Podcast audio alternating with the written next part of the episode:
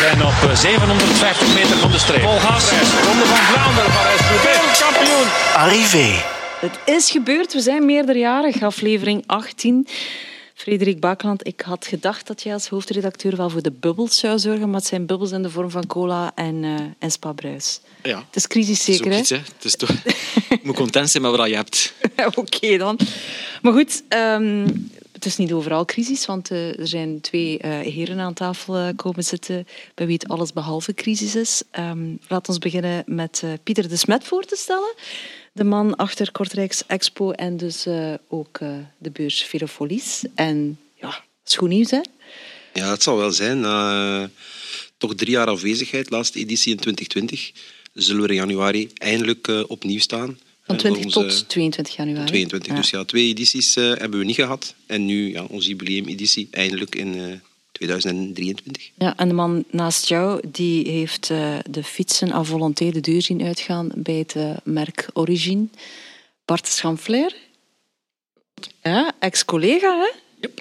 Want je hebt nog bij Grinta Ja, ja, gewerkt. ja. Ik, heb, ik heb voor Grinta een eh slordige 15 jaar, denk ik. Het zal niet veel schelen. Een 800-tal fietsen getest. Het zal misschien ook meer geweest zijn op het einde. We gingen naar de 1000 toe. Zoiets ongeveer, ja. Man, man, man. Ja, er is veel veranderd dan toch, hè? Als je van fiets nummer 1 naar 800 terugkijkt. Ja, absoluut. Er is eh, heel veel veranderd. Sowieso denk ik dat eh, Pieter dat ook zal beamen. Dat is hetgeen dat de branche zo boeiend houdt hè, voor, eh, voor iedereen die erin werkt. Er is een constante vernieuwing. Er is, en dat maakt het ook leuk voor alle media om er te blijven over berichten. En iedereen stelt zich ieder jaar weer de vraag van hoe gaan we het nog verbeteren. En nu heb ik het voorrecht om ook aan de ingenieurskant eigenlijk te kunnen kijken hoe dat die dingen nog verbeterd worden en waar dat we de marginal gains nog kunnen vinden. En dat is eh, ja, een boeiende tak om het Ja. dan van die kant te bekijken. Ja. Je hebt voor Origine nog bij een ander merk gezeten. Ja, ja. Eh, dat doet weinig ter zake, denk ik. Omdat, ik ga over die periode helemaal niks negatiefs zeggen. Omdat Specialized, hè, een van de, goed, het was een van de grootste ehm, fietsmerken die er zijn. Dus dat was een, eh, een droomtransfer, zoals dat velen dachten. Dat was eigenlijk, komt dan van hoofdredacteur van Grinta, kom je dan in de Champions League van de, van de fietsbranche terecht. Ehm, maar als ik het vergelijk met voetbal, als je in een ploeg terechtkomt, moet je daar ook je, voetbalspel kunnen spelen. Het gaat hem over het plezier van spelen. En in dat heel groot bedrijf, dat lag mij minder. Ik heb vroeger ook altijd met heel kleine teams gewerkt, eigenlijk, redacties. Heel snel pingpongen, wat gaan we doen vandaag, beslissen wat we morgen gaan doen. En in zo'n heel groot bedrijf, dat lag mij minder. Corona kwam toen ook, want ik, was, ik had eigenlijk mij geëngageerd voor een heel allround eh, takenpakket. Maar corona kwam dan meteen, waardoor dat, eh, het volledige werk eigenlijk herleid werd tot, de be- het beantwoorden van de vraag waar zijn mijn fietsen? En Alleen die waren er niet. Alleen maar gezag. En, ehm, ja, en dan heb ik de kans gekregen om eigenlijk plezier in het voetballen te gaan eh, terugvinden bij Origin. Mensen die ik al heel lang kende, van helemaal in het begin. Ik heb Lang ooit, bestaat al? Tien jaar Dat is toch nog tien jaar bezig. En ehm, ik was eigenlijk de eerste buitenlandse journalist voor Grinta die ooit een Origin getest heeft. Op het moment dat zij nog niet actief waren op de eh, Vlaamse of Nederlandse markt. Vanaf dan ben ik eigenlijk contact blijven houden met het management. En eh, op die manier zijn ze dan bij mij terechtgekomen. Op het moment dat zij met, eh, met merk internationaal wilden gaan, zijn zij bij mij terechtgekomen. Net op het moment dat ik mij ook iets minder gelukkig voelde in de situatie bij mijn vorige werkgever. En op die manier zijn we dan vrij snel tot een, eh, tot de samenwerking gekomen. Een buitenlandse vertegenwoordiger. is er een standje geboekt van Origine op Villefolies? Ja, ja en geen, geen, geen klein standje, hè. toch wel een redelijke oppervlakte. Dus eh, we zijn heel tevreden met, eh, met de aanwezigheid van Origin. Ja, hoe zit het trouwens met eh, de aanwezigheid van, van de merken? Er zijn er een paar die ontbreken, maar de meerderheid is er wel opnieuw. Ja, klopt. We, zitten, we zijn eigenlijk volboekt. Dus alle, alle standen zijn ingenomen. Maar er is inderdaad een shift in, in aanwezigheden.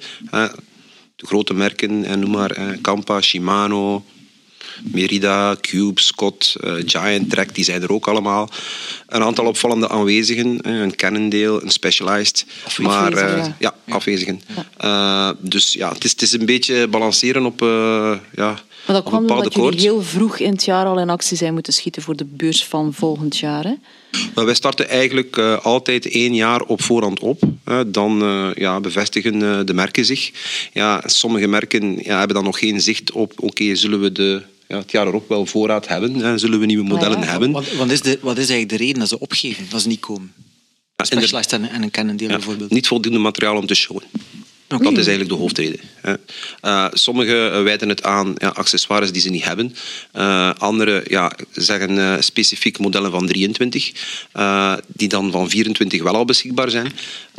dus ja, het, afscheid voor deze editie is, is lang ook niet definitief. Hè. In 2024 hè, verwacht ik dat die er allemaal wel terug bij zijn. Maar als ze komen kijken en het wordt een, een, een, een topbeurs, ja, dan, dan gaan ze daar op 2024 ook wel weer staan. Hè. Maar wat ik mij ook afvroeg, want uh, je staat er met een stand. Origin is eigenlijk een online merk. Uh, het is wel van belang om als online merk daar aanwezig te zijn. Ja, denk ik dan. Absoluut. Ik denk dat dat voor ons nog veel meer de visibiliteit op een beurs, op een evenement, nog veel belangrijker is dan merken die ook gewoon in de winkel aanwezig zijn. Want een klant die naar een fietsenwinkel gaat, die ziet daar een bepaald deel van het gamma. Bij ons moet al op internet komen en je moet effectief naar onze site geleid worden, op god weet welke manier, dat maakt nu niet uit. Maar je moet het wel actief gaan zoeken, bij wijze van spreken. En gewoon, de fiets is een absoluut een belevingsproduct. Uh, mensen willen een fiets die ze overwegen te kopen zien, vasthouden, bekijken, meer rijden. Daarom missen wij ook geen enkel evenement van, uh, van jullie testevenementen. Wij hmm. komen altijd naar Grinta Testfest, omdat dat belangrijk is om effectief naar die klant te gaan. Ik denk dat Pieter dat ook kan beamen, dat de voorbije jaren bij de edities die aan het afgelasten waren, want er was iedere keer de intentie om te organiseren. Het is twee keer omwille van corona afgezegd. Ik denk dat de online aanbieders degene geweest zijn die het langst blijven rechtop staan zijn en die zeggen wij komen. Veel andere merken hebben toen gezegd wij komen niet om dubbele reden. Enerzijds hadden ze iets van ja, we hebben niet veel te tonen want er was niet veel aanbod. Anderzijds hadden ze ook zoiets van waarom zouden wij nu het risico nemen om naar een beurs te gaan, eventuele gezondheidsrisico te gaan nemen met ons personeel, terwijl dan een klant evengoed naar die winkel kan gaan kijken.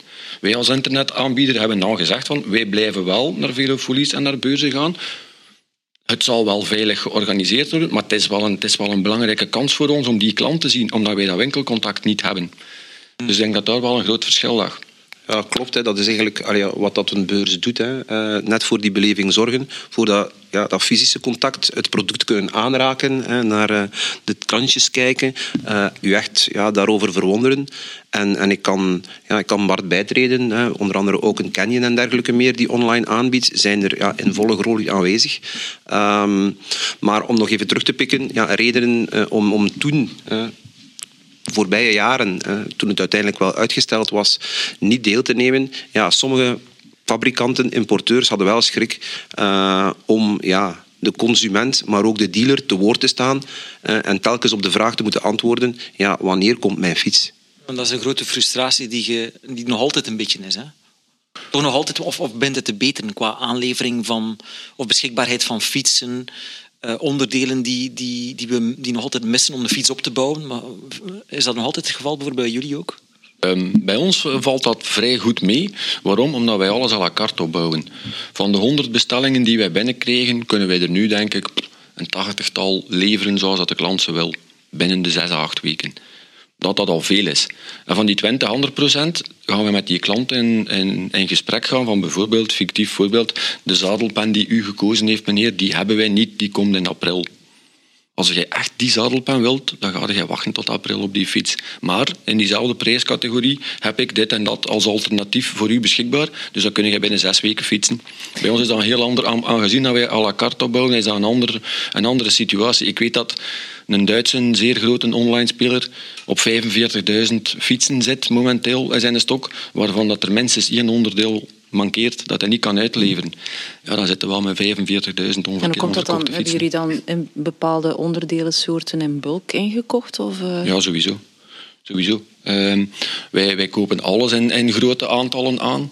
Uh, maar de planning van, van uw aankoop is superbelangrijk. Bij ons is dat, werkt dat eigenlijk net andersom dan, dan bij een grote fabrikant. Een grote fabrikant gaat zijn, zijn prognose maken. Die gaat ervan uit van dit model kunnen wij er wereldwijd zoveel slijten. Dus wij gaan zoveel onderdelen aankopen. Dan worden die fietsen gebouwd, worden die in de winkel gepusht. En is aan die winkelier om dat te gaan verkopen.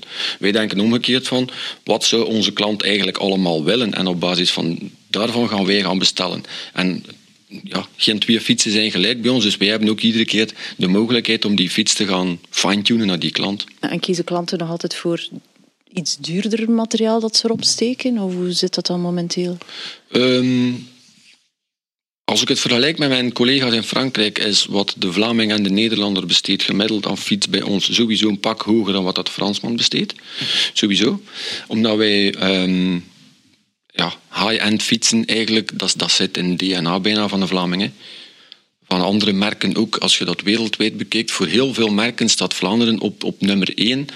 Wat de, um, hoe moet ik het zeggen, de gemiddelde klant per persoon aan euro's besteed aan fietsen in Vlaanderen. Dat zie je nergens anders ter wereld. Hè. Dat, is, onbestaand. Zijn we snops op de velo? Uh, oh. Snops is een vies woord misschien. Hè. We weten wat dat goed is, ik zo ah, En we pakken er ook graag mee uit. Dus er zijn wel weinig klanten die een 105 bijvoorbeeld gaan bestellen? Uh, de, de, jongste maanden zie je dat wel enigszins verschuiven, omdat we moeten er niet onnozel over doen. Alle fietsen, alle onderdelen, alles is duurder geworden. Goed, en brood is ook duurder geworden. Daar kun je ook niet op besparen. Je moet eten.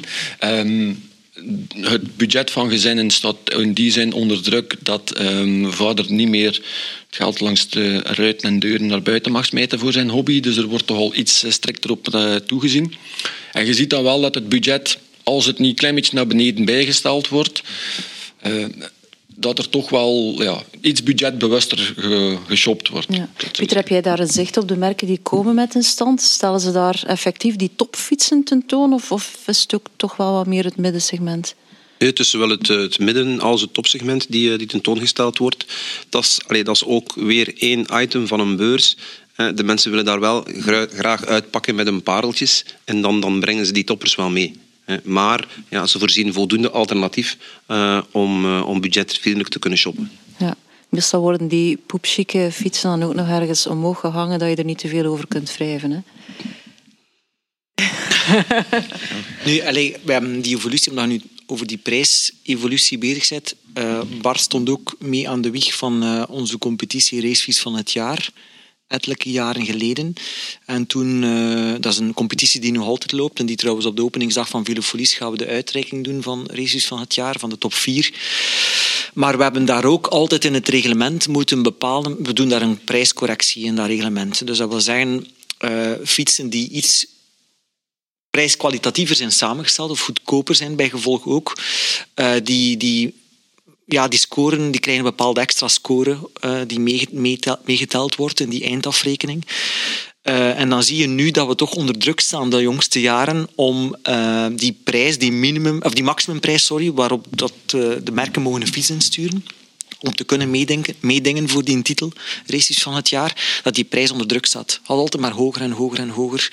Dus de vraag is, moeten we dat uh, gaan beginnen aan. Ik denk dat het nu, nu op uh, eh, 7000 euro maximum is. is maar ja, er, er zijn zeer, er zijn, heel, er zijn gigantisch. Ik zou liever hebben 5000 euro, maar het is, het is, het is een heel stuk moeilijker om. om uh, om ook al merken te gaan overtuigen. Om, om, en je ziet gewoon die prijzen omhoog gaan. En je ziet ook in het koopgedrag, heb ik ook de indruk dat er als ik, als ik denk aan mijn eerste aluminiumfiets, een, een Giacomelli uh, van 60.000 Belgische frank, dat was enorm veel geld hè. toen in der tijd. Was voor ons, maar 60.000 Belgische frank rekent nu een keer om naar euro's. En wat er nu wordt neergeteld voor, voor een racefiets, is eigenlijk uh, ja, toch uh, even over na. En ook wat we... 2300 euro of zo, zeker. De eerste die ik, ik had er al ja, tweedehands gehad, maar mijn eerste nieuwe was 2300 en dat was al dat was goed grief, hè? Ja. En, en, en je kunt daar, ja, we aanvaarden dat allemaal, we gaan er allemaal in mee, maar ja, toch moet er mm. toch ook wel ergens soms een vraag bij stellen, denk ik, in sommige gevallen.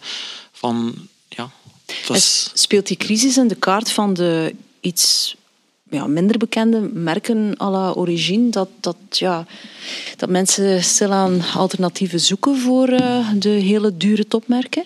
Ik denk dat wel. Ehm, zeker als ik dat bij ons zie. Wij zitten met dat groot voordeel van die à la carte opbouw aan een haalbare prijs. En ik ga een heel concreet voorbeeld pakken van iemand die gisteren een fiets bij mij besteld heeft. Want ik heb die dan vandaag opgebeld. Ik heb van gisteren zijn bestelling zien binnenkomen van een gravelbike. Degelijk een gravelbike. Maar dan zie je ook heel concreet dat die mens zijn fiets samengesteld heeft met een bepaald budget voor ogen en dat hij ook keuzes heeft moeten maken. Die mens is voor een carbon frame gegaan. Die is voor een goede groep gegaan, een GRX 810. En dan zie je dat hij een budgetvriendelijke wielset erin zet. Is dat dan de juiste keuze wel? Dat is dan aan mij om met die mensen te overleggen van kijk, ik heb uw bestelling goed binnengekregen. Ik heb gezien dat je dit en dat gekozen hebt. Het is mij opgevallen. Ik mag niet zeggen tegen die mens van, of verdommer, ik zei jij, zo'n goedkope wielen, wat stikte jij daar nu in? Dan mag het, je moet het wel vragen aan die mens, want misschien is het iemand zonder voorkennis die wel een foute keuze gemaakt heeft. Dus je stelt hem de vraag van, waarom heb je specifiek die wielen erin gezet? Kan ik u daarin adviseren? En die zegt ook van, het is een slijtageonderdeel. Die wielen zullen wel, net zoals alle wielen, een keer kapot gaan binnen dit en een paar jaar. En dan zal er extra budget zijn om nieuwe wielen te kopen. Daar is dan geen spel tussen te krijgen. Dan heeft die mensen een goede fiets gekocht. Bart, omdat je nu die, die specifiek dat voorbeeld geeft van die, van die gravelfiets, is het ook niet zo dat mensen hun aantal fietsen beperken en net voor die gravelfiets kiezen als, ja, laten we maar zeggen, het is een combi uh, van racefiets, van mountainbike, van trackingbike? Wij zien vooral dat een gravelbike de, de extra fiets erbij is. In eerste instantie. Wie, komt er, wie begint er met gravel? Dat zijn mensen die op de weg alle padjes of alle wegen van, in een straal van 50 kilometer rond hun huis al gedaan hebben met de koersfiets. En die al ontelbare keren zijn teruggekeerd op een bepaald punt omdat ze denken van daar verder liggende steentjes durf ik mij niet riskeren met, met de koersfiets. Wie zijn er nog een heel grote doelgroep bij ons voor de, voor de gravelbike? Dat zijn iets ouder wordende mountainbikers die geen risico meer nemen in het mountainbiken, omdat de pure mountainbike parcours echt wel technisch veel eisend geworden zijn. In Vlaanderen vinden we dat niet, sowieso niet. Um, maar die mensen die hebben niet meer de ambitie om ieder weekend uh, een sleutelbeen te riskeren in Dardenne, want op maandag moeten die werken. Maar die willen wel nog um, actief zijn offroad, op over langere afstanden. En die kopen om die reden er dan ook nog een gravelbak bij. We zien wel dat er dan achteraf toch wel redelijk wat mensen dan ofwel die mountainbike of die koersfiets van de hand doen. Ja. Omdat die gravelbike ja. voor velen een eye-opener is, ja. omwille van zijn allround inzetbaarheid. Ze zetten er dan nog spatbordjes op en verlichting en dan rijden ze er in de week mee naar het werk. Dat is eigenlijk een fiets die heel veel kan, maar wij zien wel dat dat niet om die reden meteen gekocht wordt, maar dat hij op, om die reden wel de rest op termijn buiten duwt uit de garage. Uh -huh. Of, dat hoor ik dan toch van vrienden die kunnen leasen via het werk, dat die gravelfiets de extra vele wordt, want ze voelen dat dan niet. Hè. Dat gaat dan een stuk van het loon af en ja, dat is dan geen zware investering. Maar jullie zetten op vele folies ook in op, uh, op leasing, dacht ik, hè? Ja, er zijn dus een aantal uh, exposanten die, uh, die leasingformules aanbieden.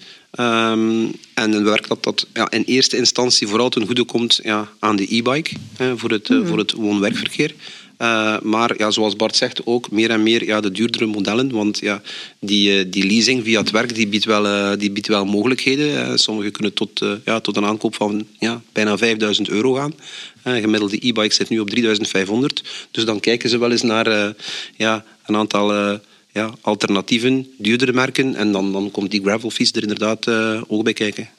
Is de samenstelling van de beurs uh, anders in vergelijking met drie jaar geleden? Wat meer verschuiving naar die e-bike, naar leasing? Ja, dat, dat, dat zie je wel. Hè. Uh, en vooral, ja, e-bike zet zich, zet zich verder door. Hè. Niet enkel hè, de, de standaardfiets, maar ook alle sportieve fietsen hebben uh, e-bike modellen. En komt er allemaal bij, de e-racer, de e-mountainbike. Uh, dus ja, dat is echt allemaal vertegenwoordigd. Ja, en een testpark ook? Kunnen ze daar fietsen Een testparcours is er ook, maar dus voor de standaard e-bike. Dus niet voor racefietsen of andere, ook niet voor speedlegs, want dan wordt het ja, te veel werk voor EHBO. Maar, maar dat is er inderdaad... Ja, je zei al in het begin van hè, die, die 800 fietsen dat er heel veel aan veranderd is. Ik vraag mij soms af van wat kan er nu nog wezenlijk veranderen aan een fiets? Ja, er, er, er, gebeurt, er is nog heel veel mogelijk. Hè. We, zijn nog, we zijn nog helemaal niet aan, uh, aan het einde van ons Latijn, daar ben ik van overtuigd. Um, maar waar dat we ons vanuit de journalistenkant misschien vroeger soms wel een beetje op verkeken, was van ook van, en dat is nu voor mij ook een eye-opener, hoe ver dat je vooruit moet denken met, met uw nieuwe ideeën. Want alles wat dat je nu gaat ontwikkelen, dat komt pas ja, over twee jaar op de markt, want je zit met een enorme lead time. Dus het is niet alleen... Um, je moet het spelletje iets anders schakelen dan dat, je, dan dat je denkt dat het gespeeld wordt. Want je moet echt wel drie, drie stappen vooruit kijken van je concurrent. En niet alleen van één concurrent, maar waar een volledige industrie naartoe gaat. En dat is wel... Uh, Betekent dat, dat dat er mensen in dienst zijn van Origin die niet anders doen dan andere merken opvolgen en scouten? En... Uiteraard. Ja. ja. Dus er loopt en... iemand op de beurs rond om alleen maar naar de andere fiets te gaan kijken? Ja, uiteraard. Echt? Ja, maar dat doen alle merken. Hè. Ja. Dat doen alle merken, hè. sowieso. Hè. En haal je ze er dan uit? Ja, er zijn er, zijn er veel die, die half incognito rondlopen. Maar ja, als, je, als je al 25 jaar naar fietsbeurzen gaat, wat mij betreft kunnen ze even goed zwaailicht op hun hoofd zetten. Kan er zo ook wel uit, dat is geen probleem. En wat leer je dan van andere merken? Ja, het zit hem soms in heel kleine details, hoe dan technische kleinigheden opgelost worden. Dat, dat kunnen, dat kunnen heel, heel kleinigheden zijn, hè. steekkasten. eh, dat, gaat, dat gaat over details, hè. schroefdraad. Ehm, en vooral ook de, de grote merken, de grote onderdelenfabrikanten, die gaan op de beurs, die, die turven, hè. Die, die gaan effectief rond om streepjes te zetten. Hè. Die hebben een papiertje bij. En die zullen ook op onze stand langskomen om te kijken hoeveel fietsen er staan met Shimano, hoeveel dan er staan met Campeolo en hoeveel met SRAM. hè. En dat wordt, dat wordt allemaal in Excel's gegoten. Hè. Dus er wordt er net iets eh, strikter naar gekeken dan dat de meeste, meeste mensen denken. Hoor. Is crazy. Ja. Nou, En uiteindelijk al het materiaal dat daar staat, zoals je al zei, jullie zijn nu bezig met de dingen te ontwikkelen van binnen twee, drie jaar. Alles wat daar staat is al verouderd. Ja, verouderd in ons opzicht misschien, maar niet voor de consument. Ja, nee, niet voor Dus, ons, eh, nee. maar wel voor jullie. Hè? Ja, ja, ja tuurlijk. Dat is, eh, want op het moment dat dat product op de markt komt, moet dat doorontwikkeld zijn. Hè. Dan kun je niks meer, eh, dan kun je geen flaters meer permitteren. Hè. En dan is het tot te laat. Hè. Dus, ja. Zeg Pieter, wat verwacht je? Wat zijn de signalen die je opvangt qua bezoekersaantallen enzovoort? En, en, eh, want vorig jaar waren we eigenlijk, is het vrij lang mee gewacht om, om eh, zelfs, want de beurscatalogus hij was eigenlijk al gemaakt Ja, klopt. voor eh, de beurs vorig jaar. En dan is die toch nog, en maar goed ook, want dat was toch, als ik me, niet, als ik me goed herinner, was dat dan toch nog vrij een serieuze piek toen, in januari, qua van de corona. Wanneer was dat afgelast toen? Januari zelf? Ja, Of nee, ik denk, eh, ik denk midden december. Midden hebben we december, toen, ja, want de eh, beurscatalogus was net, eh, ging net in druk gaan en we hebben het nog kunnen eh, terug... Uiteindelijk was Nederland die eigenlijk eh Velofolies vorig, vorig jaar niet heeft doen doorgaan, want zij gingen toen opnieuw in lockdown. Hè. ja, maar het was, moment dat, eh, uiteindelijk was het wel goed, want in januari was het echt wel een piek ook bij ons, als ik me Ja, goed je, als je ziet in januari het Belgisch kampioenschap veldrijden, is toen nog doorgegaan zonder publiek. Voilà. Dus dan konden wij onmogelijk 40.000 Ja, bezoekers binnen gaan, gaan verwelkomen. Wat zijn de signa- want nu, nu is er geen sprake van afgelasting, natuurlijk niet. Allee, klopt. dat moeten we toch. Maar eh, wat, wat signalen het, is, het is zo dat wij vanuit, eh, vanuit Kortrijk Expo eh, nu vanaf februari dus de eerste, de eerste beurzen opnieuw organiseerden. hè, zowel richting ja, B2C als B2B. En, en daar merken we eigenlijk, zeker vanaf het najaar, ja, het COVID-effect is weg. We zijn terug eh, waar, we, waar we geëindigd zijn. Eh, beurzen halen dezelfde niveau van aantal exposanten. Idem wat bezoekers betreft. Onze jongste beurs, weliswaar een vakbeurs, eh, richting de aardappelsector, Interpom, ja, die heeft nog nooit zo'n goede editie gehad. Eh, dus, eh, Iedereen heeft patatjes. schrik dat de patatten eh ervan testen. dat er geen frieten meer gingen zijn. Voilà. Maar, eh, maar nee, wij, wij, zijn, allee, wij, wij zien, zien, positief, allee, we zien het positief in dat wij opnieuw richting, richting 40.000 bezoekers gaan. En ehm, weet je, wie, wie loopt daar allemaal rond? Wat is jouw... wat- Kun, daar een dwarsdoorsnede van dat publiek dat daar... Wat is dat- de gemiddelde velofoliesbezoeker? Wie is dat? Vooral nog een man, toch? Hè? Ja, dat is vooral, eh, vooral nog een man, hè, tussen, eh, tussen 30 en 40 zou ik zeggen, eh, die, eh, ja, die wellicht drie fietsen in zijn garage staan heeft. Maar meer en meer, hè, dat zien we toch, met, ja, met die opkomst ook in ons assortiment, in ons aanbod van, van die e-bikes, worden dat, worden dat families die komen bezoeken. Dus de, de vader voor zijn, eh, voor zijn sportfiets, de vrouw voor een e-bike, eh, de jongen voor een, eh, voor een BMX. Dus het wordt wel gemixt. Het is niet puur meer een, een sportieve beurs, ondanks ons sportieve imago. En doen jullie dan dingen ook om die gezinnen extra aan te trekken? Om die kinderen die mee zijn te entertainen? Goh, te, te entertainen niet echt. Uiteraard hebben wij onze randactiviteiten en, en zetten wij een beetje in op ja, eh, de trekkers zoals aanwezigheid van Tom Bonen en anderen die ook nog voor de, de, de jeugdige generatie wel tot de, tot de verbeelding spreekt. Ehm, maar het is eigenlijk vooral het aanbod die aantrekt. Dat is het voordeel van in die branche te werken. Die branche vernieuwt continu. Er zijn telkens nieuwe modellen, hè, nieuwe technieken.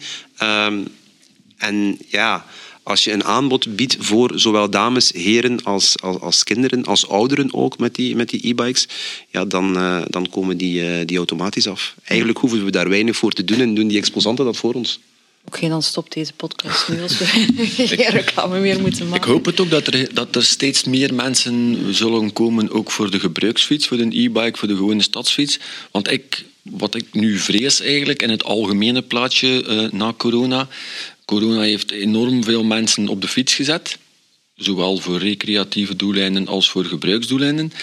Maar ik vrees dat we nu ook die, die trend heel snel aan het verliezen zijn weer. Dat we heel snel aan onze oude gewoontes van in onze auto in de file gaan staan aan het vervallen zijn. Ik heb gezien dat in die, in die anderhalve... Ik heb dat ook al bedacht, ja. In die periode van anderhalf jaar is er heel veel inspanning geleverd. Ook er zijn fietspaden gelegd in steden aan een, aan een tempo dat we in de twintig jaar ervoor nooit gezien hebben. Maar nu vrees ik wel, nu moet er een, een, een vervolgstuk aan gebreden worden. Anders gaat dat beginnen, beginnen stilvallen. En dat, dat, dat is misschien dat zijn grote woorden. Ik hoop dat dat maatschappelijk opgepikt wordt, maar dat die een trend verder gezet wordt. Dat dat, dat, dat niet blijft bij, bij, bij loze beloften. ik denk natuurlijk met, met alles wat dat zich nu afspeelt rond energie, rond, rond extra kosten voor gezinnen, dat, ja, dat er toch wel nog een, alleen, laat maar zeggen, toekomstige groei zit richting het, uh, ja, het niet meer opteren voor een tweede wagen, het vervangen uh, door een e-bike, dat daar toch nog wel allee, een weg te gaan is. Zeker allee, die leasingformules, je hebt het al verteld, ja, die zouden toch moeten kunnen verder ontwikkeld worden om, ja, om die fietsmarkt ten goede te komen. Maar ik volg Bart voor een stuk als het gaat over sportief fietsen, dat die grote, die explosieve groei, dat die wel wat aan het stilvallen is. Ik zie heel veel uh, relatief nieuwe fietsen passeren op Facebook te koop. Uh, het is toch niet mijn ding. Ja, ja daar, daar, hadden we ons ook allemaal aan verwacht. Hè. Ja, er, er gaat wel een deel zijn dat wel weer gaat upgraden en verder die, die, die sport effectief heeft ontdekt. Maar er gaan er natuurlijk wel een hele reeks afhakers zijn. Hè. Dat is altijd zo. Hè. Ja, uiteraard. Um, hoe cru dat dat ook klinkt, maar corona zal voor de fiets en de volledige fietsindustrie, zowel voor de fietser als beoefener, als voor de mensen die in de branche werken, zal dat goed, uh, goed zijn. Hè. Er zijn veel fietsers bijgekomen en ja, het heeft ook voor, um, voor nieuwe kansen gezorgd. Hè. Het is eigenlijk net als je dat vergelijkt met vroeger, de mountainbike is eigenlijk het allerbeste wat de koersfiets ooit overkomen is. De mountainbike was in eens hip, dat was iets Amerikaans, iedereen moest een mountainbike hebben. Dat was het nieuwe, nieuwe surfen, het nieuwe golfen, wat was het allemaal? Iedereen moest een mountainbike hebben. Maar heel veel mensen zijn dat... Na een tijd hadden zoiets van, om nu iedere week met die mountainbike te gaan rijden... maar ik fiets eigenlijk wel graag. Dus er zijn heel veel mensen die er dan als begonnen zijn als mountainbiker en achteraf een koersfiets bijgekocht hebben. En het zijn er ook heel veel die een weer verkocht hebben, die zeiden van ja, het is, mijn, het is mijn ding niet. Ik ga mee met de volgende hype. En dat zal na corona net hetzelfde zijn. Hè. Heel veel mensen zijn beginnen fietsen omdat ze ofwel ze mochten fietsen en wandelen. Dus ofwel gingen een paar wandelschoenen gaan kopen, ofwel gingen een fiets gaan kopen. En nu mag weer alles. En nu staan er inderdaad heel veel fietsen, stof te vergaren. En geeft dat een knik in de verkoopcijfers? Je voelt dat wel, hè. Sowieso. Ik denk dat iedereen dat uh, in de fietsindustrie zal beamen dat het, ja, de verkoop van nieuwe fietsen wordt meegestuurd door het aanbod van tweedehands. Hè. Als mensen die, die onder hun voeten gekregen hebben van een vrouw dat die fiets in die garage in de weg staat, als die weg moet, ja, dan moet die weg. Hè. Dan wordt die eigenlijk verkocht onder de prijs. Dus dan zijn er altijd kapers op de kust. Hè. Die, gaan dan, die gaan dan geen nieuwe uh, fiets kopen van een bepaald budget. Als ze weten dat ze een fiets van één jaar oud voor, een, voor datzelfde budget kunnen kopen, dat eigenlijk veel meer waard is. We gaan niet moeten verwachten dat dat de prijzen doet stilvallen, zeker? Ik denk niet dat de prijzen op de internationale markt bepaald worden door het tweedehands aanbod. Nee. Maar ik hoorde bijvoorbeeld, dat is nu een andere sector, maar in de bouw vanaf 1 januari uh, ramen plus 8 procent. Er is na nieuwjaar weer een grote prijsstijging. Hoe zit dat in de fietsbranche nu? Ehm, bij ons is er voorlopig uh, niks aangekondigd van prijsstijging. Dus ik denk dat dat nu relatief stabiel blijft. Maar hoe lang dat, dat gaat duren, daar ga ik ook uh, mijn hand niet voor in het vuur steken. Ik hoop van niet, want er zijn een aantal deelnemers aan de races van het jaar die 6.999 euro kosten. En als er dan een prijsstijging is, eigenlijk zijn ze dan niet meer echt uh, reglementair, volgens ons uh, reglement inderdaad. Dus... Um, is, die, ja. is het al beslist trouwens? Wie, uh, wie ja, ja, ja, de, dus de, de top, ja, ja, de top uh, drie daar en de juryprijs. Dus met die, die vier topfietsen van de dertien ingezonden modellen met de top 4 zijn we dan naar Tom Bonen getrokken. Hè. Dus die is dan uh, naar alle oude traditie, toch al vijf jaar ondertussen, uh, probeert Tom die fietsen uit. En hij vindt dat superleuk. Hè, want, en het is ook...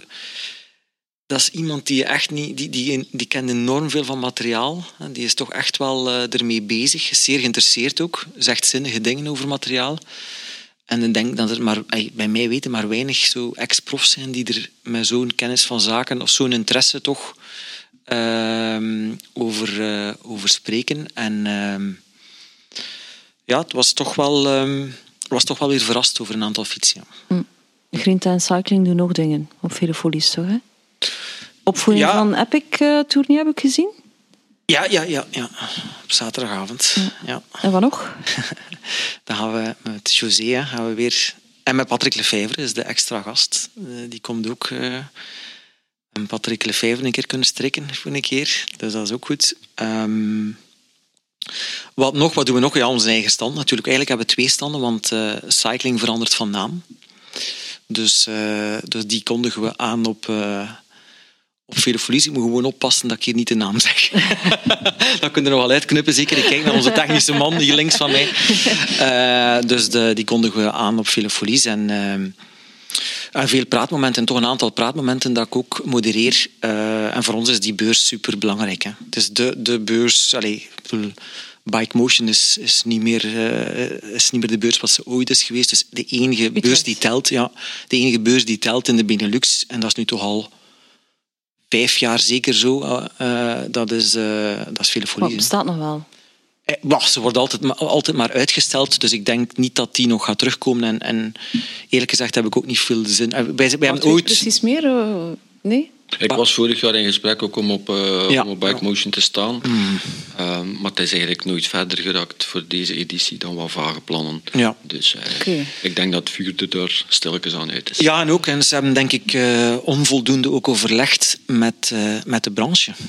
Met de topmerken die daar staan, de grote merken die staan op de... Die vormen toch nog altijd de ruggengraat van een beurs. De grote, de A-merken. En je moet toch een keer goed... Voor, als je een beurs organiseert, moet je toch ook een keer daar je, je licht op steken.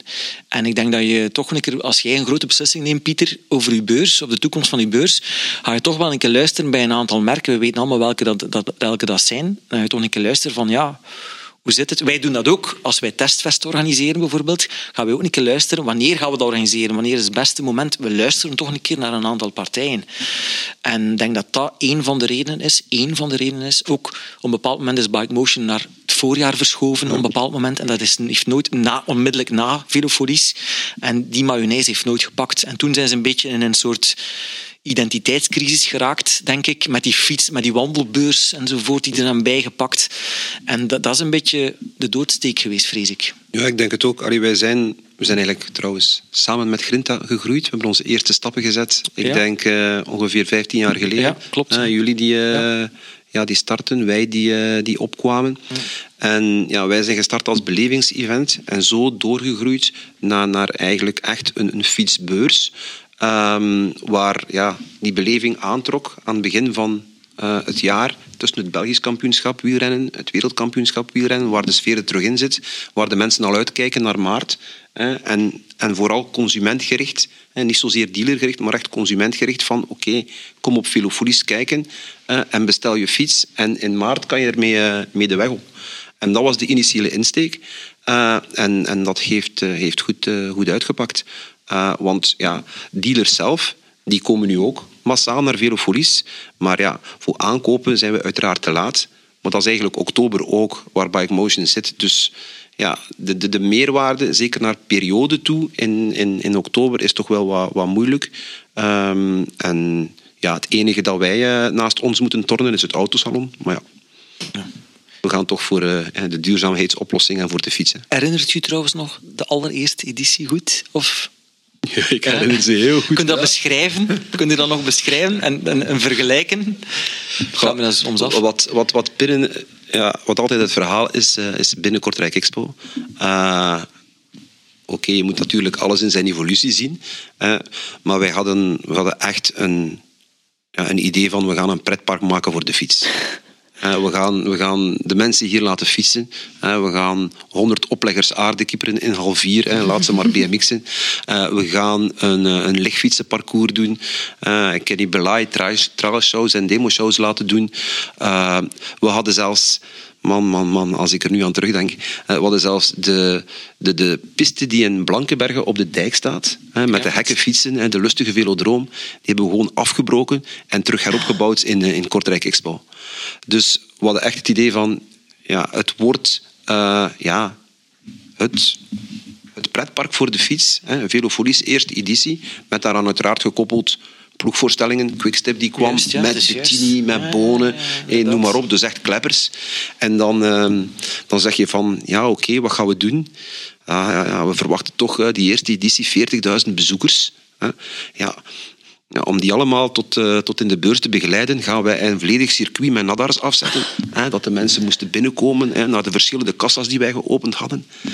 En dan, dan sta je daar hè, donderdagmorgen. Hè, was toen nog donderdag, vrijdag, zaterdag, Ah, zondag. vier dagen. Eh, doe je die deuren open en dan sijpelen ze binnen. Oh, nee, Eh, en moeten ze gans dat doolhof Oh. eh, uitgaan. Oké, gelukkig eh, eh, op zaterdag en zondag, zeker met die ploegstoorstellingen van Quickstep en dergelijke meer, kwam dat aantal wel. Maar ja, die eerste editie zijn wij op, eh, op 15.000 eh, Oh. mensen gestrand. We zitten nu uiteraard aan die 40 die we toen vooropgesteld hadden. Moeten nu minder investeren in beleving, omdat eigenlijk de fietsmerken dat zelf doen. Die trekken nu aan. Dus ik denk dat we nu de ideale mix gevonden hebben. Ehm, en ja, uiteindelijk ja, moet ik dankbaar zijn voor Kortrijk Expo om de beslissing te nemen van na die eerste editie, let op, ook nog de tweede editie en de derde editie, om toch te volharden en door te zetten. Want ja, ook financieel was dat, eh, was dat geen aangenaam event. Eh, was toen nog eind december. En toen dus iedereen... om voor een tweede editie te gaan, of niet? Als je in de rode cijfers dan duikt. Wel, het is natuurlijk dubbel. Hè. Ehm, we zaten toen op het einde van het jaar. Hè. We hadden allemaal mooie prognoses waar we gingen uitkomen. En ja, eigenlijk heeft Velofolies dat toen ja, compleet van de kaart geveegd. Eh, en dan stel je de vraag van, ja, gaan we het opnieuw organiseren? Ehm, en gewoon ja, verder investeren? Of gaan we gewoon verlies pakken en zeggen van, ja, we gaan die niet nog eens doen? En dan ja, is een beetje strategisch inzicht naar boven gekomen van ja, kijk, nee, wij geloven in die sector. Hè, daar staat nog een hele evolutie aan te komen. We gaan dat opnieuw organiseren. Uiteraard een beetje budgetvriendelijker. Ehm, Oké, die 100 eh, opleggers met aarde, die waren er wel, want we hebben uiteindelijk daar dan verder in geïnvesteerd en tot zelfs een Europese manche BMX gekomen. Eh, indoor, dat was al ja, quasi nooit gezien. Ehm, maar ja, na de vijfde editie eh, zag je dan plots van, ja, we werden opgemerkt door de merken. Eh, De Shimano's, de Specialized, de Campas, die zeggen van ja, oké, wat gebeurt er daar? Dat is precies toch wel een event dat veel volk trekt en waar we aanwezig willen zijn. En ja, the rest is history. Ik herinner me van die eerste editie nog zeer goed, dat BMX-parcours. En die 100 camions aarde, die tegen de zondagavond eigenlijk 100 camions stof geworden waren. Want je kon die hal niet meer binnenkomen, dat was één mest van stof. Je zag daar niets meer. Want rond, die, rond, die, rond dat parcours stonden er ook allemaal kraampjes, eigenlijk kleine kraampjes van gasten die crosshelmpjes en harnasjes en schoentjes verkochten. Maar dat lag allemaal onder 2 centimeter stof. Dat was, ik denk dat die mensen daar niet, niks meer kunnen van verkopen. En nog, nog één kleine aanvulling trouwens op, op Velofolies en de aantrekkelijkheid van het evenement. Dat zie ik nu ook vanuit Noord-Frankrijk. Onderschat ook het geografisch voordeel van Kortrijk als organisator niet. Je trekt de volledige Vlaamse fietscommunity, maar er wordt er ook veel Frans gesproken. Hè. Mensen uit Wallonië, Noord-Frankrijk, ze komen ook. Hè. Want bij ons ook, wij zitten in Somain, aan de andere kant van de grens, niet zo heel ver. Het aanbod aan fietsevenementen in Noord-Frankrijk is bedroevend laag en die komen ook allemaal naar, eh, naar Velofolies. hè. Dus ook voor hen is dat de referentie. Wel, eigenlijk, maar het is niet, door, het is niet doorgegaan. Eh, van volgend jaar zal dat waarschijnlijk wel zo zijn dat we de beurscatalogus ook in het Frans zouden maken. Dus eh, mijn beste Frans even bovenaan. Om, eh, Mais oui.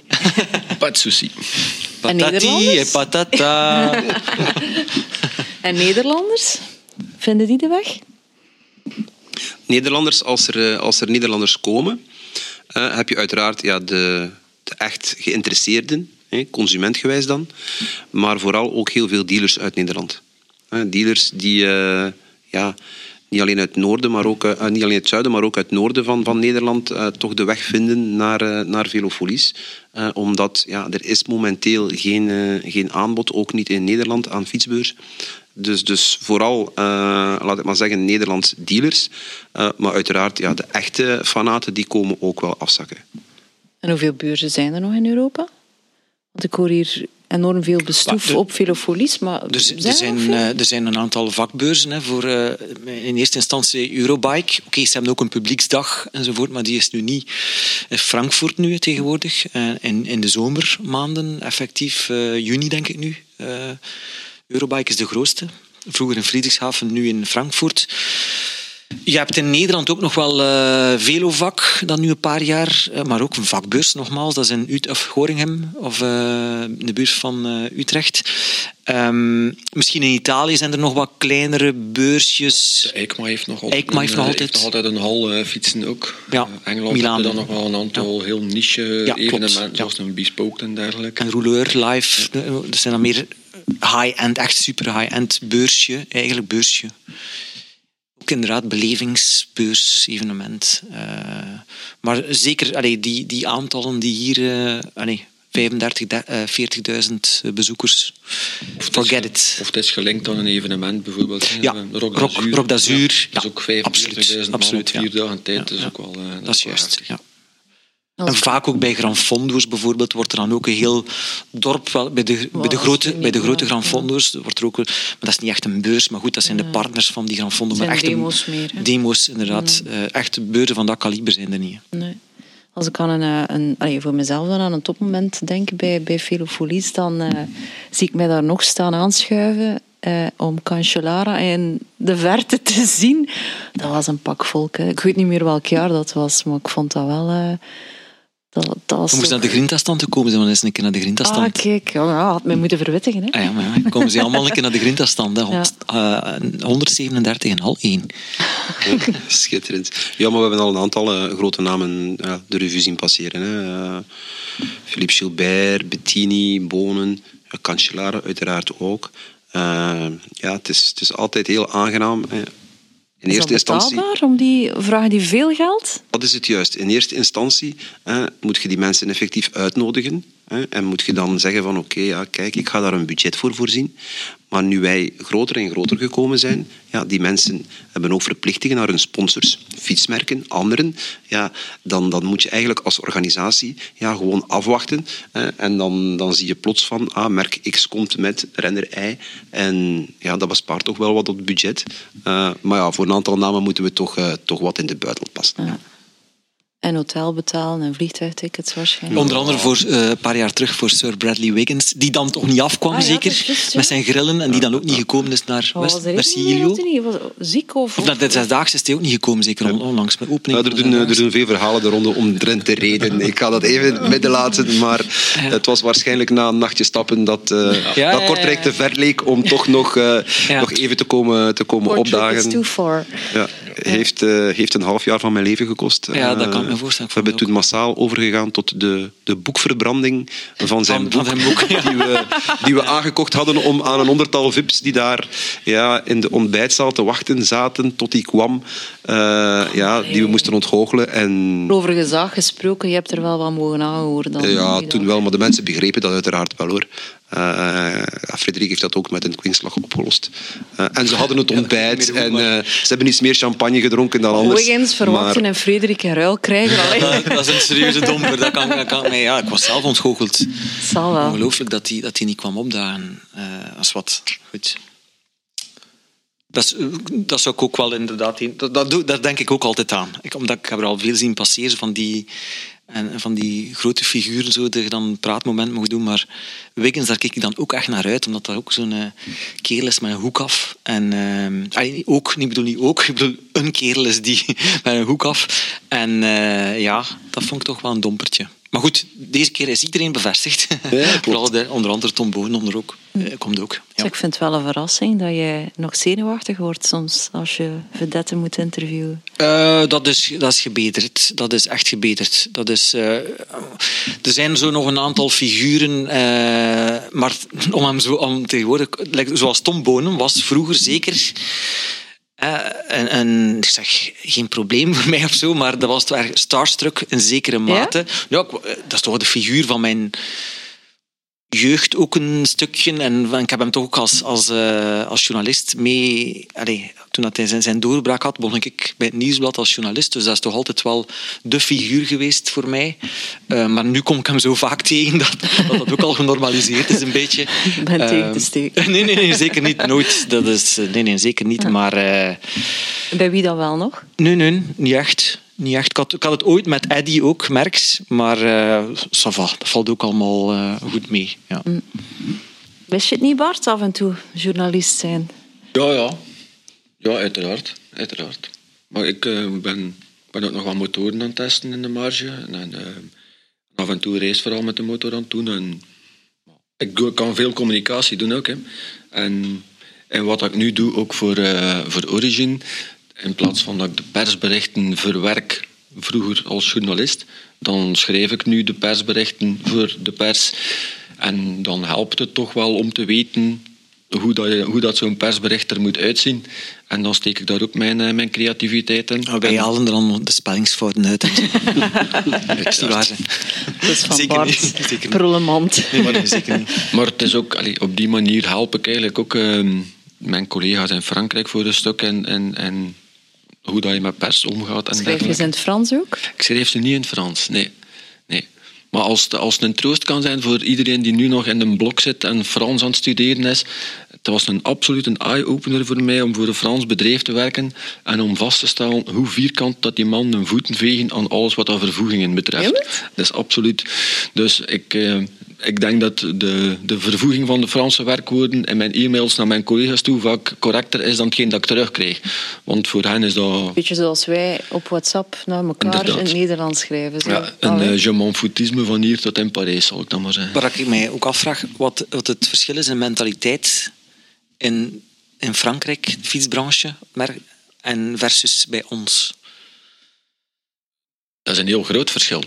Eh, sowieso. Omdat, we gaan daar niet onnozel over doen. Eh, Fransen, denk ik dat die in, in Europa een van de landen zijn met het grootste chauvinisme. De Fransman, voor, Fran- voor de Fransman is Frankrijk schoonste land ter wereld. En voor ons ook om 14 dagen op congé te gaan, waarschijnlijk. Maar zij, zij denken nogal vaak vanuit het idee dat, dat, ze, dat ze de dingen heel goed onder controle hebben.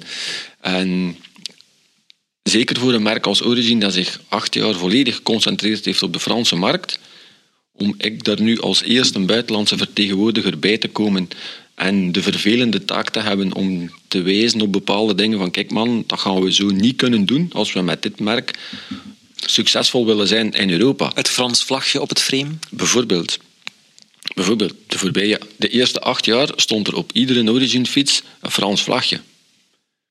Voor de Fransen is dat een, een verkoopargument. Voor een Fransman is dat een aankoopargument. Van kijk eens hier hoe fier ik ben, ik heb een Franse fiets. Voor ons in, Europa speelt dat voor de rest veel minder. Als je naar de Italiaanse fietsen kijkt, ook, vroeger was dat ook een kleurboek van Italiaanse vlagjes. Ondertussen zijn die Italiaanse vlagjes zo goed als allemaal weg. Dus heb ik ook de vervelende mededeling gedaan van ik zou graag hebben dat de klant op zijn minste keuze heeft of hij dat Frans vlagje wil of niet. Als hij dat wil, geen probleem. We kunnen, toch alles, we kunnen er toch alles opzetten of aflaten. Dat maakt mij niet uit. Dus ik zou heel graag hebben dat hij de kans krijgt om het erop of eraf te doen. En dat zijn wel... Dat lijkt nu een heel banaal ding, een Frans vlagje op een fiets. Maar als je een merk Europees verder wil uitbouwen, moet je die, die vragen wel durven stellen en die, die beslissingen ook durven nemen. En dat is nu het boeiende in dat, in dat groeiproces van Origin, waar we nu middenin zitten. Ik vind dat wel ja, leuk om dat te zien. U heeft er al vast toe geleid dat jullie eh, gelinkt gaan worden aan een, eh, een Belgisch topteam. Hè? nee, dat is een, eh, een, beetje, dat is een beetje overdreven, denk ik. Ehm, maar we hebben eh, met Grint hebben wij een aantal. Of, laten we zeggen, wij, wij bespelen een aantal subcommunities binnen de, de fietscommunity, de grote fietscommunity die er is. De fietscommunity heeft eh, sportieve fietsers van instap tot meer gevorderd. En je hebt Gran Fondo-rijders waar wij een ploegje voor hebben. Eh, we hebben een gravel community die wij, die wij aanvuren met uh, Grid. Dat is onze gravel platform, bijvoorbeeld. Maar we hebben ook een groepje van wedstrijdfietsers. Mijn collega Tommy en ikzelf fietsen daar ook bij. Maar er zijn er een aantal die, die iets meer echt koersen rijden, iets meer. Dus een amateurploegje eigenlijk. En... Grindagara heet dat. En uh, we hebben in Origine een uh, leverancier van onze, van onze fietsen gevonden, van onze frames gevonden. Voor volgend dus, uh, voor, ja, ja, voor volgend jaar. En dus niet de reden waarom dat Bart hier zit of zo. zeker niet. maar we zijn daar enorm opgetogen over natuurlijk. Moet er een Belgisch vlagje op? Nee, maar het, het design is wel afgeklopt. dus het wordt iets, kan je custom. over zeggen? Uh, ja, ja, we kunnen daar zeker iets over zeggen. Uh, we staan nu in de, in de nieuwste Grinta. Staat een groepsfoto. Uh, nu, een van de renners was niet aanwezig. Die zat op een... Um, op een Duitse kerstmarkt of zo, dus die kon niet aanwezig zijn voor de, voor de, voor de, voor de groepsfoto. Maar daar staat dus een Origine Fraction op, hè. dat is het aeroframe van, van die trouwens, en dat mag ik eigenlijk ook al een klein beetje zijn, die het heel goed heeft gedaan, ook bij Racefiets van het jaar nogmaals, dat heeft niks te maken met het feit dat, we hier nu, dat, dat Origine nu eh, partner is van ons ploegje.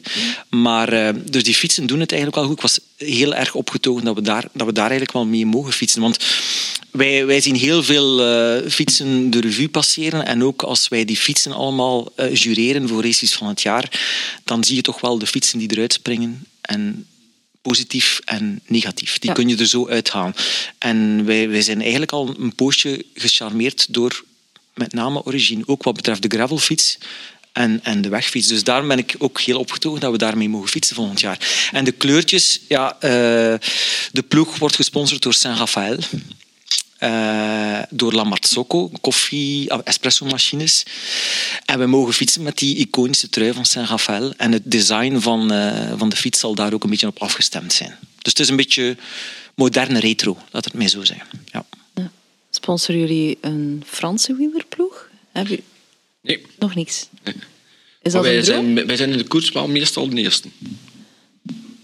Omdat eh, alle, auto's, eh, alle fietsen op de tak van een auto van Shimano, alle neutrale fietsen, dat zijn er allemaal van ons. Al die blauwe fietsen. Is hadden die afvroeg van, eh, van waar komen die fietsen, dat zijn er allemaal van ons. Dus meestal winnen wij de koers. Ja. Omdat er altijd een neutraal Maar auto koersen van voor welk niveau dan? World Tour, hè? Ah ja. Ja, ja. Tour de France, heel netse kluts. Absoluut. Ja. Allee, joh. Dus alle koersen van een ASO, alle... ehm, want we hebben Het merk al- is weggeschrapt dan? het merk, eh? er staat Shimano op. Ze zijn bij ons gelakt, Ja. maar er staat Shimano op. En aanvankelijk mochten we er ook geen reclame mee maken, maar ondertussen mogen we het wel al vertellen ook. Dus dat het allemaal ons fietsen zijn. Ja, straf. Ja. Vorig jaar was er ook iemand in de, in de Waalse Pijl, was het denk ik, die bijna 100 kilometer eh, met een fiets van ons gereden heeft. En, eh, iemand van eh, Education First, denk Ja, ik. ja. En toen was er intern ook al de grap van, eh, dat hij gevraagd had of dat hij Luik Bastenaken Luik er niet van bij de start mocht oprijden. Ja. En op zo'n moment wordt er een flesje ontkurkt in, eh, in Frankrijk. Goh, een flesje ontkurkt, ja en nee. Ehm, dat, dat, gaat, dat gaat eigenlijk ook bij ons om een partnership met, met Shimano. Wij, zijn, eh, wij monteren heel veel Shimano. En, en Shimano was ook op zoek naar een vrij neutraal frame. Want bij ons, de, de Axoom, is nog een, een vrij klassieke eh, gestylede racefiets, waarvan dat het niet vanaf twee kilometer afstand zichtbaar is dat een Specialized of een BMC is. En Shimano was eigenlijk ook om die reden op zoek naar een vrij neutraal gestyled eh, raceframe dat mee kon op het hoogste niveau. En aangezien dat wij ook met een goede band hebben, zijn, eh, zijn ze bij ons Ja. terechtgekomen. Maar is dat een droom van jullie om ooit een, een ploeg te sponsoren of is dat qua budget nooit haalbaar? Ehm, zeg nooit, nooit, maar op, op, het, eh, op het niveau waarop dat wij nu zitten, is dat financieel niet haalbaar. Want dat, dat is al een serieus budget, zeker als je op het, hoogste, het allerhoogste niveau... Want je moet je nou ook Over de vraag stellen... nul- over hoeveel nullen spreken we dan? Heb je daar een idee van? Ik denk dat voor een, een, een topteam dat het toch rond de 2, 2 miljoen zult eh, moeten Denk- neertellen. ja, ik denk dat ook Euro? wel. Ja. Ja, los van het materiaal. twee- Los van het materiaal. hè. 2, En dan 3 nog- miljoen euro, denk ik. 3 miljoen euro en dan 300, materiaal, materiaal. 350 fietsen. Ja. Dat zou niet veel schelen. Dus, En je eh, moet wel het volledige gamma ook hebben. Hè. Trouwens, ook uh, tijdritfiets komt er helaas ook bij voor, voor, voor topploegen. En je moet het er allemaal zien uit te halen ook. Hè. In het verleden zijn er ook al ehm, fietsmerken geweest die zich er ook aan gewaagd hebben, veel te vroeg. Ik denk aan een Belgisch merk van de grootste Belgische wielrenner aller tijden. Eh, toen niet meer bij Eddy natuurlijk, maar goed, in die periode waar het bedrijf toen zat, ook een beetje zich overspeeld. Hè. Uh, door Quickstep te gaan sponsoren en daar lang uh, de naweeën van gevoeld van die beslissing. Dus je moet het ook aankunnen uh, als bedrijf om dat te gaan doen. Dat doe je niet zomaar. Je kan, ik denk in de fase waarin zij zitten, ja, laten met Mounts mogen ze beginnen en natuurlijk met andere dingen, dat doen ze denk ik wel. Ik denk dat ze redelijk veel activaties doen. Trouwens, ik, ik denk mij viel het op, je ziet ze wel veel, fiet, veel rijden in Frankrijk. Dat zie je wel. Ik, dat is mij opgevallen uh, vorige zomer in de Alpen. Je ziet er heel veel uh, origines rijden. Bij ons natuurlijk, ja. Dat moet allemaal groeien. Hè. Mm. Ja, toen ik uh, van de zomer bij Jan Jansen was en mm. hem ook vroeg van hoe zit dat met de verkoop van jouw fietsen, omdat ja, ik ja. zie die zelf ook eigenlijk nooit nee, rijden. Hè. Ja. Zei hij van ja, nou, in Nederland, daar zijn er best wel veel van omdat daar blijkbaar ook dat chauvinisme nog in zit. Hè, van we willen een Nederlands merk. Ja, maar ik denk wel dat de merken die gekoppeld zijn aan een uh, corifee of een grootheid van vroeger, dat dat toch stilletjes aan een moeilijker verhaal wordt, omdat de jeugd daar steeds minder vatbaar voor is. Ja. Uh, mijn vader kocht ook een die Merckx-fiets, bij wijze van spreken, omdat Merckx de beste coureur ooit geweest was. Dus het zal ook wel de beste fietsenbouwer ooit zijn. Dat was dan een beetje de, de redenering. Maar ondertussen is dat wel toch. Ja, daar volgt Bart. Ik denk dat dat, uh, denk dat dat ook niet meer. Uh, die vliegen gaan niet meer op. Ja, sowieso, omdat de, de, de, de, merken die de markt overspoeld hebben en bepaald hebben, zijn de, zijn de Amerikaanse merken. Hmm. En die hebben de volledige marketing en, en perceptie van het fietsen omgekeerd. Hè. Dus dat is een markt waar jullie zeker nooit pijlen op gaan richten als Frans merk. Om, om de oceaan over te steken? Dat zou voor ons om een andere reden een zeer moeilijk uh, verhaal worden. En dat is, het, dat is het verhaal waar dat is meerdere internetaanbieders um, hun tanden voor een stuk aan het op stuk beten zijn. Is dat de, de Amerikaanse klant of de Amerikaanse, hoe moet ik het zeggen, de markt nog zo veel meer in elkaar zit van naar, naar product liability. Als je een, een, iets koopt online en je moet zelf nog handelingen gaan stellen om die fiets in dit geval rijwaardig te maken, en daar gebeurt een ongeval mee, mhm. dan krijg je meteen 45 advocaten op je dak, omdat dan de vraag zal gesteld worden van was dat product wel juist, wie heeft de fout gemaakt en dergelijke. Dat is, dat is de reden waarom dat veel internethandel van fietsen in Amerika moeilijk verloopt. Dus bijvoorbeeld bij andere online aanbieders bieden ze daar twee systemen aan. Ofwel krijg je je fiets thuis geleverd voor 3000 dollar. En dan moet je effectief op eigen verantwoordelijkheid zelf nog de wielen erin zetten, pedalen monteren, stuur recht zetten. Of je kiest voor de optie 10% meer, 3300 dollar. Wordt die geleverd door een onafhankelijke fietsenmaker bij u thuis, die hem al uitgepakt heeft, die de wielen erin gezet heeft, die de pedalen erop gezet heeft. En dan ga je een document ondertekenen dat je de fiets in goede orde ontvangen hebt. En dan vervalt de verantwoordelijkheid van de fabrikant ook.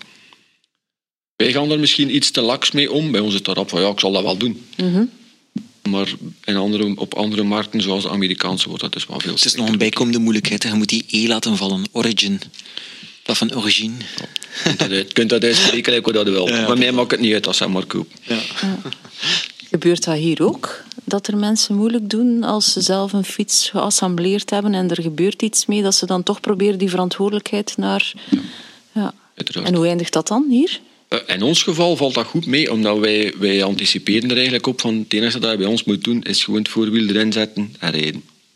That's it. En dat is toch al redelijk idiot-proof, zoals dat we zeggen. dus, ja, dat, zo, dat, is, dat, pas zo heet dat. Hè. Zo heet dat. Hè. Ah, bedoel, goed, dat zouden de meeste mensen met de handleiding erbij nu toch nog voor elkaar moeten krijgen. Andere merken leveren een bouwpakket aan, maar goed, iedereen heeft zijn eigen strategie daarin. Hè. Uh, maar het is, het is pas ook als je aan de andere kant staat dat je ziet wat voor garantiegevallen of would-be garantiegevallen mensen durven insturen. De, ja. En op dat gebied denk ik dat wij als, als internetaanbieders misschien net iets, uh, iets meer vatbaar zijn voor dat soort praktijken. Ik denk dat mensen, als ze effectief naar een winkel moeten gaan om, om effectief een winkelier in real time, eigenlijk gezegd, te gaan bedriegen, dat dat nog een net iets grotere stap is dan iets in een doos steken en terugsturen en dan via mail sturen van dit is... Uh... Een Pieter, zou het nog lukken? Een voorwiel aansteken? Fiets jij zelf? Dat, dat, dat nu nog net. Ja. Wat fiets jij? De jongste ja, twee jaar, hè, de, coronajaren, eigenlijk ja, in tegenstelling tot vele anderen niet. Bij mij hebben, eh, hebben de kilo's de bovenhand gehaald. Dus, eh, dus zolang die drie cijfers daar stonden, was het heel moeilijk om in mijn pakje te kunnen. Eh, maar dat is ondertussen weggewerkt. Dus ik, ik heb goede, goede voornemens om vanaf februari terug op de fiets te zitten. Dus laat ons hopen. En heel recreatief dan? Of wat doe je dan? Ja, dat is, eh, dat is een lokale, lokale wielerclub. Eh, wel racefiets, eh, afstandjes van ja, tussen de 50 en de 80, afhankelijk van waar dat we zitten in het seizoen. Niet heel snel en ja, altijd met een tussenstop. Dus Over tussenstops gesproken, de Christmas Ride. Misschien als de mensen de podcast beluisteren dat die, dat die al voorbij is, maar die is op 26 december, de tweede kerstdag. Dan stoppen we eh, bij Kortrijk Expo, bij Velofolies. Dus ik verwacht ook dat Pieter meefietst hè, op de Christmas Ride. 100 Februari heeft hij gezegd. Hè? Februari. ik ga vooral de bevoorrading regelen. Ja, Zorg dat de dat is soep warm is en het broodje er is en Dat is dergelijke. ook Dus, goed, eh, dat is ook goed ja. En Bart probeert nog te fietsen, maar die valt af en toe, eens, heb ik begrepen. Tja, soms zit het mee, soms zit het tegen. Maar je hebt meegefietst in Cycling for Life in uh, Teddy Merckcentrum, maar je was toen al gehavend. Ja, blijkbaar. Ja. Maar ja, op de piste fietsen, daar moet je niet veel sturen. Hè. Dus dat, eh, dat lukt ook met de gescheurde ligamenten van de schouder. Dat is geen Maar probleem. ja, dat, dat wist je pas achteraf. Ja. Ah, je, je, na de, dat je op de piste gefietst had, ben je nog een onderzoek laten doen of Ja, zo? inderdaad. En toen bleek dat... Ja, Oké. Ja, goed, ja, ik was in Italië twee weken geleden voor, eh, voor het werk.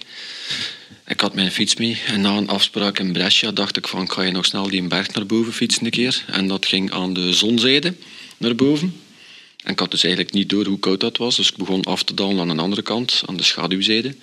En dan bleek de eerste bocht eh een eh, ijspiste te zijn.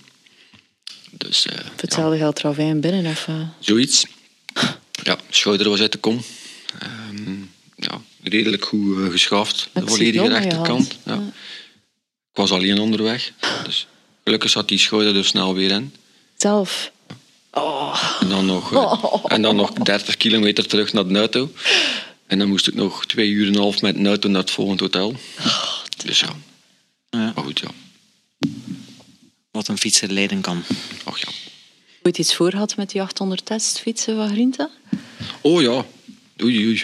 Elke fiets een verhaal, hè. Sowieso, hè.